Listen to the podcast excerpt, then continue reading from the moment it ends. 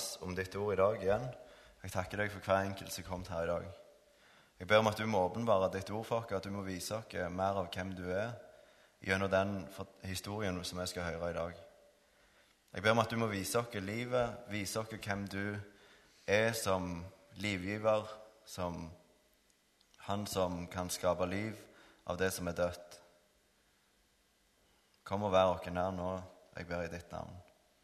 Amen. Jeg har gjemt en stein bak talerstolen her. Jeg tok den før møtet og la den bak her. For Jeg tenkte jeg skulle begynne å snakke litt om en stein. om steiner. For jeg tenkte på det her en dag, jeg tror faktisk det var på fredag. Når jeg forberedte meg litt, så slo det meg at jeg var på fjelltur da. Jeg er veldig glad i å gå på fjelltur. Veldig glad i fjellet generelt sett. Og da slo det meg at egentlig er det veldig mye stein i Rogaland. da er det. Jeg har arbeidet som avløser ganske mye eh, og kommer fra småbruk. Og vi har brukt ganske mye tid på å plukke stein. det er sånn fin arbeid til å sette avløseren til å gjøre, plukke stein. Så kan bonden gå og gjøre andre ting som er litt kjekkere. og spesielt på Jæren. Jæren er jo en sånn morene Det er fullt av stein. Og, og hvis, jeg tenk på det, Tenk alt det arbeidet som ligger bak rydningene på Jæren. Alle de steingjerdene, alle de haugene med stein som ligger rundt forbi. Og det er ganske imponerende mengder stein òg, for når du har rydda og satt i, så går det et par år, skal du snu igjen. Og så kommer det opp helst like mye stein, og så må du til med akkurat samme arbeid igjen. Og ikke, ikke, nok med det at det ligger mye stein i jorda, men til og med så er steinen så mye å bety for Rogaland at det er det som er kjent for eh, internasjonalt, nesten. Det folk vet om Rogaland, er Prekestolen, et stort fjell, og Kjærag, som er en stein som står imellom ei sprikk. Og hjemme i Sokndal, eller jeg sier hjemme, men det er iallfall i Dalane, der er det en stor stein, en ruggestein. Jeg vet ikke om dere har vært der. Men det er en veldig svær stein, mange tonn, så du kan skutte på bare med hånda. Den er jo ganske kjent. Det er en stein.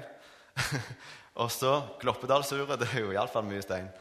Jeg har hatt besøk av noen venner fra utlandet, og når jeg viste dem rundt, så liksom, slo det meg plutselig Jeg viser dem stein. og det er liksom det vi har å skryte av. Eh, men det er jo fint, det. når det er, det er jo kjekt å se på stein. Eh, jeg skal snakke litt om stein i dag, i ulike formasjoner. Eh, kanskje ikke de steinene vi har i Rogaland. Men vi møter en stein i den, talen, i den teksten som jeg skal lese nå, også en tekst jeg skal lese litt seinere. Og jeg har funnet ut der står faktisk ganske mye om stein i forskjellige betydninger i Bibelen.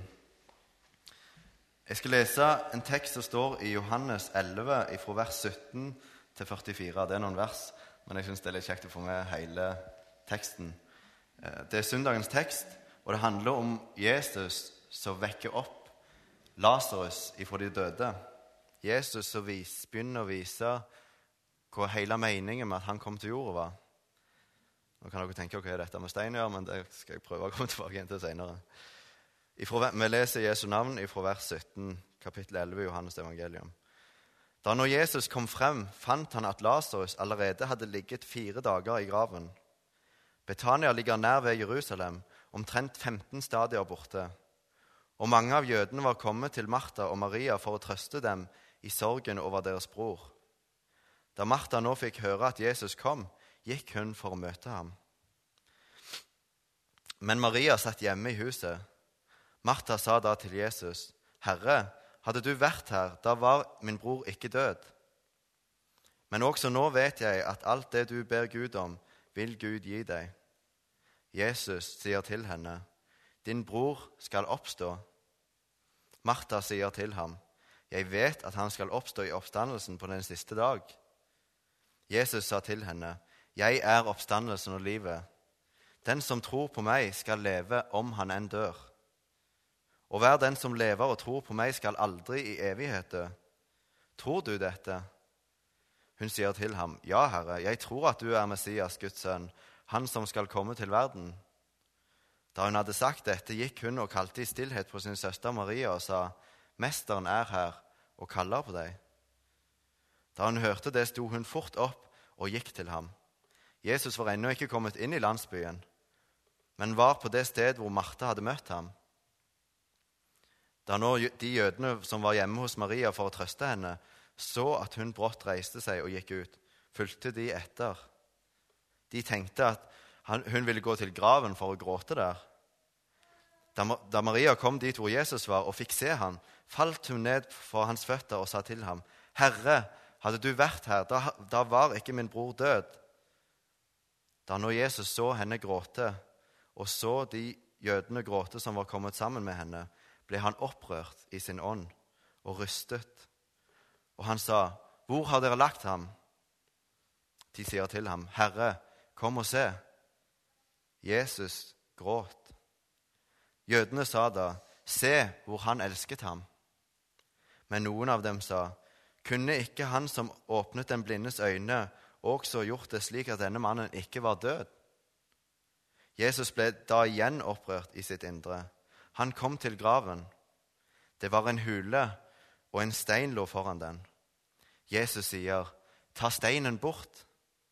Martha, den døde søster, sier til ham, 'Herre, han stinker allerede, for han har ligget der i fire dager.' Jesus sier til henne, 'Sa jeg deg ikke at dersom du tror, skal du se Guds herlighet?' De tok da steinen bort.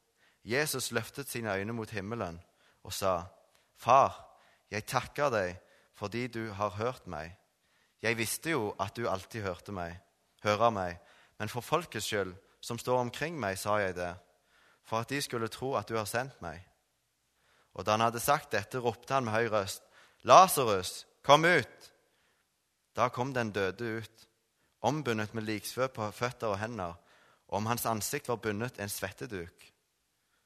Jesus sier til dem, løs, løs ham og la ham gå. Dette er en veldig spesiell historie, som jeg tror kanskje de fleste av oss har hørt mange ganger før, og som er akkurat som mange av de andre tekstene i Bibelen, som vi hører og blir vant med. Og det tenkte jeg når jeg så at det var dette som var søndagens tekst, så tenkte jeg den har jeg jo hørt mange ganger før. Hva skal jeg si om den, tro? Men så oppdaget jeg at det er, er, veldig, er en veldig spesiell historie som er verdt å stoppe opp med. For hva er det egentlig som skjer i denne teksten? Jesus og disiplene Det står tidligere at de har gått over på andre siden av Jordan eh, på tur. Jesus skulle sikkert vise hvem han var der. Gikk rundt og gjorde store ting der sammen med disiplene, som fortsatt var på opplæring. Og så kommer altså sender Martha og Maria bud på Jesus. 'Jesus, du må komme.' Og Hvorfor gjorde de det? Hvorfor sendte de bud på Jesus? Det står her at Martha, Maria og Lasarus var noen, noen som Jesus elska veldig høyt. Kanskje Lasarus var den personen som Jesus elska mest utenom disiplene. Altså den beste kameraten Jesus hadde. Og når han var syk, og de her søstrene òg var gode venner av Jesus og visste at Jesus brydde seg om Lasarus, så tenker de vi trenger ikke gå til en doktor. Vi går til Jesus. Han er jo så glad i Lasarus, og vi vet at han kan helbrede folk, for det hadde de jo sett. De visste hvem Jesus var. Maria kjenner meg fra tidligere. Hun hadde kommet inn og salva Jesu føtter og, og tørka det med håret sitt. Hun visste at Jesus var Guds sønn, at han var Gud som gikk rundt på jorda. Gud som hadde fått en kamerat i broren deres. Og Tenk så greit det hadde vært hvis vi hadde noen vi kjente som var syke, og vi visste at, at kameraten var Gud som vandra rundt på jorda så kunne vi bare si 'kom', for kameraten din er syk.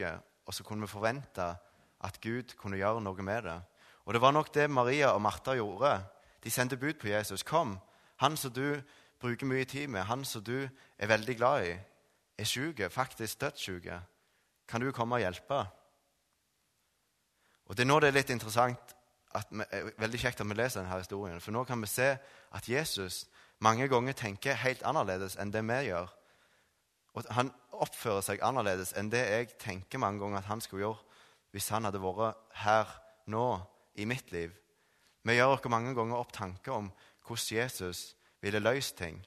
Når vi ber, så ber vi Gud kan du gjøre sånn og sånn. Og så forventer vi kanskje at han skal svare oss akkurat sånn som vi tenker. Og så glemmer vi litt at han ser det som vi ikke ser. Det er han som er Gud, og så er vi hans sine barn. Og her ser vi det igjen. For hva gjør Jesus? Jesus, han som kan helbrede syke folk. Han somler. Han somler i to dager, faktisk. Han venter. Og Martha og Maria begynner å lure på hvor blir, blir Jesus av. Og disiplene begynner å lure hva er det du holder på med. Skulle ikke du gå og helbrede han som er syk og som ligger for døden? Du bryr deg jo om dem. Men Jesus somler. Og så sier han, 'Nå vil jeg gå.' Etter to dager. 'Nå vil jeg gå.' Han sover. Han sov, Lasarus sover. Og så tenker disiplene, 'Hva er det du snakker om? Sover han?' Men da er vel bare å vekke han opp, da. Men Jesus visste at Lasarus skulle dø. Og det vet sannsynligvis vi òg, for vi har lest det før.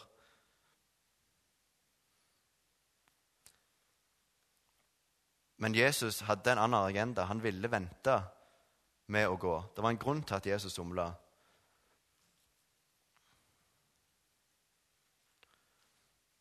Og så kommer Martha gående i møte. Hun ble utålmodig. Så kommer hun og sier til Jesus Og vi kan høre hvor anklagende hun egentlig er. 'Jesus, hvorfor somler du?'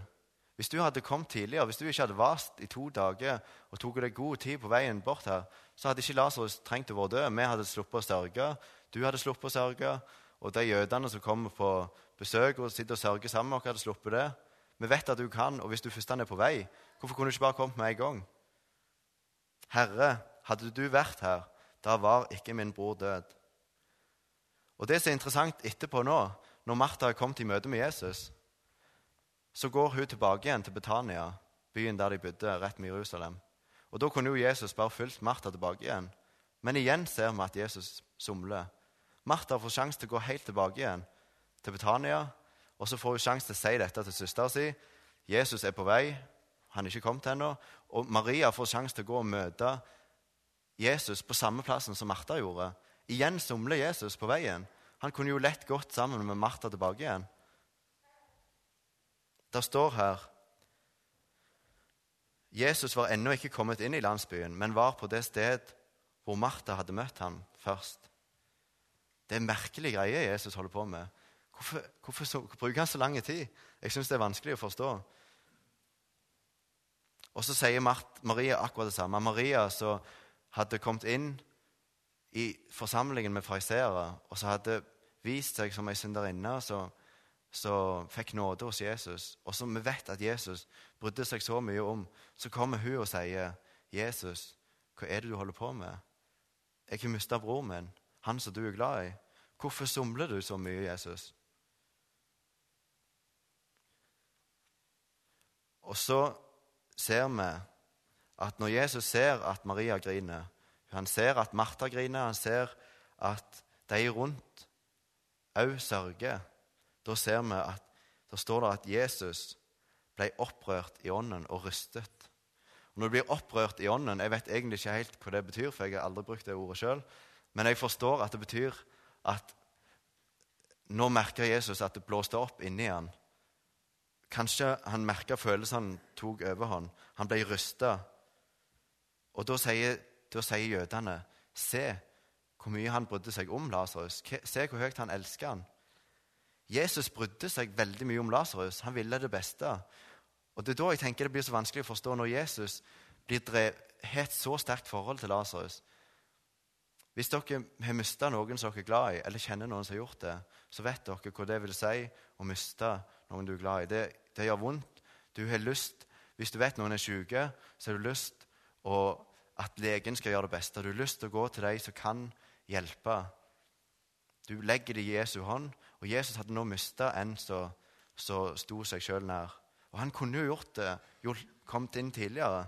Så står det det korteste verset som står i Bibelen. Jesus gråt. Det var ikke, altså, altså må Jesus ha blitt revet med i dette. her. Det var ikke bare sånn at han klarte å stå helt på avstand og si ja, jeg venter i to dager, tre dager, fire dager kanskje før at jeg skal vise at jeg kan gjøre han levende igjen. Og så var det helt greit, for han var Gud og brydde han ikke. Han grein. Det gjorde han veldig vondt. Han ble opprørt i sitt indre, står det.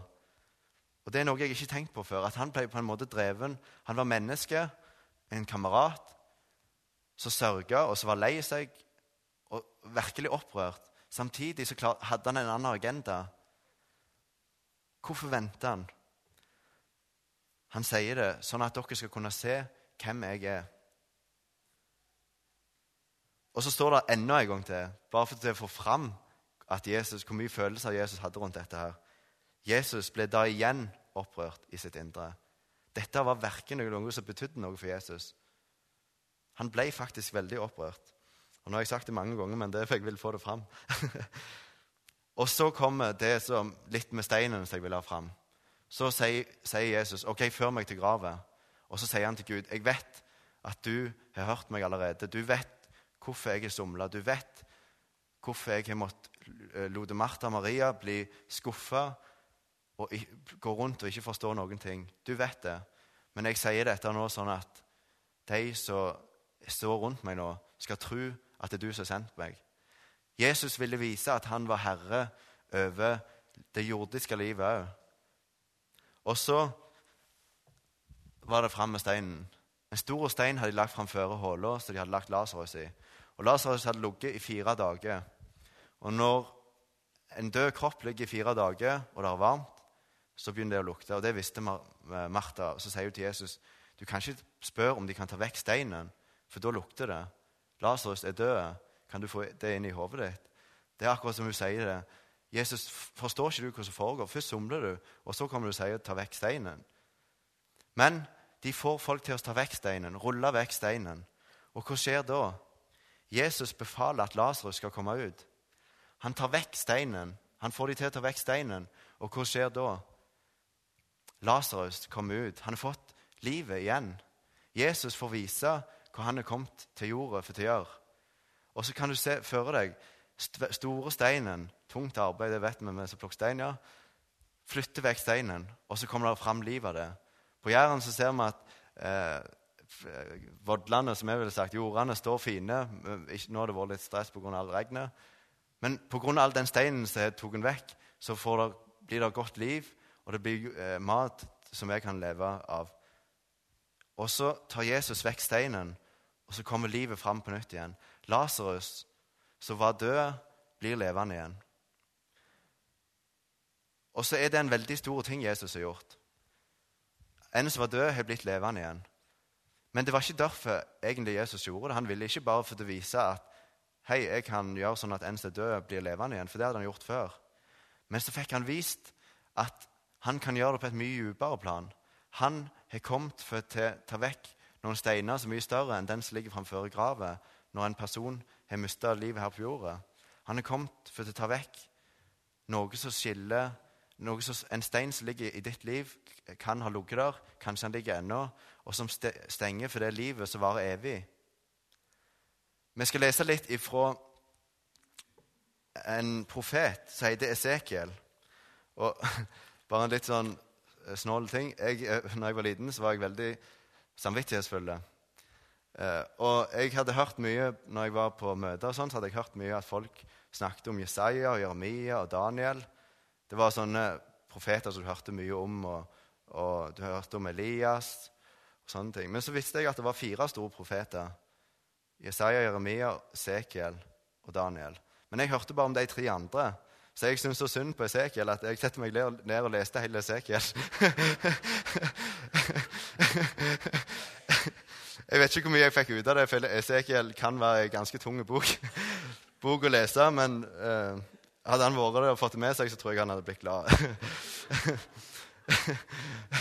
men, men Esekiel var en profet som levde ca. 600 år før Jesus. Han var læregutten til Jeremia. Um, han hadde sittet med føttene til Jeremia som de sier, og fått lært uh, mye av han. Også israelsfolket på den tida de hadde gått vekk ifra, Jesus, ifra Gud. Han som hadde ført dem opp på mektig måte ut av Egypt. Og så hadde gitt dem den kongen de hadde spurt om. De hadde vendt seg vekk til avguder gang på gang på gang. på gang. Hvis vi ser profetene, så ser vi at det var en som gjorde det som var rett i Herrens øyne, og så kom det en som gjorde det som var galt i Herrens øyne, og så kom det en som gjorde galt i Herrens øyne, og så kom det en som gjorde rett hvis de var heldige. Det var så mange konger som gjorde det som var vondt og feil i Guds øyne, øyne, og folk hadde vendt seg vekk. Og da står det i Esekiels bok, som jeg leste da jeg var liten, at Gud gjorde det sånn at nabofolkene fikk overhånd over Israel. De kom, og så tok de israelsfolket og spredde de rundt forbi overalt. Og Målet deres var at israelsfolket skulle tilintetgjøres. Altså, det skulle ikke være noen ting igjen av dem. Og Gud lot det skje, for de hadde vendt seg vekk fra ham. De ville ikke ha noe med han å gjøre, og det gjorde han vondt å se på det. Og så tenkte han ok, nå skal dere få bare se hvordan det går når dere ikke er med, med dere lenger. Og så skjedde det at, at de folkene som fikk ta israelsfolket med seg hjem til fanger, de så på dem så sa de, hadde ikke de en gud som hadde ført dem, som har vært med dem tidligere i kriger og sånn. Det var jo derfor de ville ødelegge dem, for de visste at dette var et folk som hadde en gud med seg som, kunne gjøre store ting. Og så så de på hvor er den guden nå henne? Hva er det som sitter med dem nå? Så står det at Gud sier Da så jeg til dem, og så fant jeg ut jeg ville redde dem. Og det var ikke for deres skyld, det var for at mitt navn skulle bli helliggjort, herliggjort. At folk skulle se at jeg fortsatt er en Gud som kan. Og Derfor fant jeg ut jeg må venne meg til det igjen, og så må jeg gi dem et løfte. Og så, flaks for dem, så fikk de Esekiel, som blir kalt jødedommens far. Han ble òg en av de som ble tatt vekk til et annet land sammen med de andre. Og så fortalte han dem. Fikk han et sterkt budskap fikk han et sterkt budskap ifra Gud. Og Hør hva det står ifra Esekiel kapittel 36, ifra vers 24. Jeg vil hente dere fra folkene og samle dere fra alle landene, og jeg vil la dere komme til deres eget land. Og jeg vil stenke rent vann på dere, så dere skal bli rene. Fra alle deres urenheter og fra alle deres motbydelige avguder vil jeg rense dere. Jeg vil gi dere et nytt hjerte, og en ny ånd vil jeg gi i dere. Jeg vil ta bort steinhjertet av deres kjød og gi dere et kjødhjerte. Min ånd vil jeg gi inni dere, og jeg vil gjøre det så at dere følger mine bud og holder mine lover og gjør etter dem. Dere skal bo i det landet som jeg gav deres fedre. Dere skal være mitt folk, og jeg vil være deres Gud. Jeg vil fri dere fra alle deres urenheter. Så vil jeg kalle på korn og gjøre grøden rik. Hungersnød skal ikke komme over dere. Og Så ser vi en annen plass at, at Esekiel sier det skal komme en som skal gjøre dette. her. Det skal komme en som skal ta vekk steinhjertet deres og gi dere et kjøtthjerte. Så går det 600 år, så kommer Jesus og somler og venter på at Lasarus dør selv om han kunne helbrede han. Og så sier han til folkene, ta vekk steinen, sånn at Lasarus kan komme ut. Og så får Lasarus liv igjen. Og så får Jesus vist at han var den som skulle komme. Han var den som kunne komme og ta vekk steinhjertet. Israelsfolket de hadde vendt seg vekk fra Gud, og så står det at hjertet hadde blitt til stein. De hadde fått et steinhjerte. Og jeg har tenkt litt på det. At det er jo noe som er blitt eh, jeg er helt imponert over leger og, som klarer å gi folk et nytt hjerte. Hvis hjertet stopper, så kan de ta noe som heter hjertetransplantasjon. Er det det? Ja. Et nytt hjerte som banker videre, og som gir livet videre, sånn at folk kan leve videre. Jeg har til og med hørt at de kan sette inn et grisehjerte i et menneske. Det er jo helt fantastisk. Pacemaker kan hjelpe til. Det er så mye bra som de får til. Men det som hadde skjedd med israelsfolket, var at de hadde tatt det hjertet som bankte for Gud, som bankte liv. Det hadde de tatt, og så hadde de bytta det ut med steinhjerter, som frista mye mer. Og Vi kan tenke hvor feil det høres ut. Når vi setter inn et nytt hjerte, når de gjør det, så er det for at du skal fortsette å leve. Men de hadde tatt vekk det som pumpte for Gud, og så hadde de satt inn et steinhjerte. Og da er, mye, da er det ikke mye liv. Det kan vi tenke på sjøl. Hvis, hvis, du hadde problemer med hjertet, og så får jeg stein inn istedenfor. Det gjør det ikke mye bedre. Og så er det problemet til oss mennesker. Vi blir født med steinhjerter som ikke banker liv. Vi går og drar på en stein inn i hjertet istedenfor det som skal banke liv, banke evig liv. Og så sier Jesus, og så sier Esekiel, der kommer en som kan ta vekk steinhjertet, og som kan gi dere et kjøtthjerte. Jeg vil gi dere et nytt hjerte og en ny ånd inni dere. Jeg vil ta bort steinhjertet av deres kjød og gi dere et kjøtthjerte. Et hjerte som pumper blod rundt, så du kan leve, og i overført betydning. Johannes sier, snakker mye om Jesus som, og det nye livet. Og Johannes første eh, brev, kapittel 5, vers 12 og 13, står det Den som har Sønnen, har livet. Den som ikke har Guds sønn, har ikke livet. Dette har jeg skrevet til dere for at dere skal vite at dere har evig liv, dere som tror på Guds sønn. Når Jesus da døde, og nå blir det mest en påske her Når Jesus døde og sto opp igjen, så viste han at han kunne gjøre mer enn å gi et nytt hjerte, eller gi Lasarus et nytt sånn rent eh, menneskelig hjerte som kunne gi ham noen år ekstra. Han kunne gi du og meg et nytt liv, et liv som varer selv om du blir lagt i graven. Et, et hjerte som pumper òg den dagen du dør. Vi skal leve evig, vi skal aldri dø. Altså, Vi skal leve om vi enn dør. Et nytt hjerte har du fått, håper jeg. Hvis du ikke går og drar på et steinhjerte lenger, steinhjertet som du blir født inn i verden med Hvis du har fått det skifta ut av Jesus, han har gitt deg et nytt liv Ikke pga. at du fortjente det, men for han gjorde det i stor kjærlighet til deg. Og da, du har fått et kjøtthjerte som banker evig liv. Når du sover, når du ikke tenker på det, når du står opp, når du sitter her på møte, når du går hjem Når du går rundt her i jorda og har fått et kjøtthjerte som banker evig liv, og som aldri kommer til å stoppe å banke, om enn det jordiske hjertet stopper å banke, så er dette dagen der du kan få lov å takke Gud for det. Vær takknemlig. Takke for at du har fått et nytt hjerte. Du slipper å gå og drasse på den steinen i hjertet istedenfor. Og hvis du ennå ikke har gjort det, fått et nytt hjerte, så er dette dagen der du kan få komme til Jesus.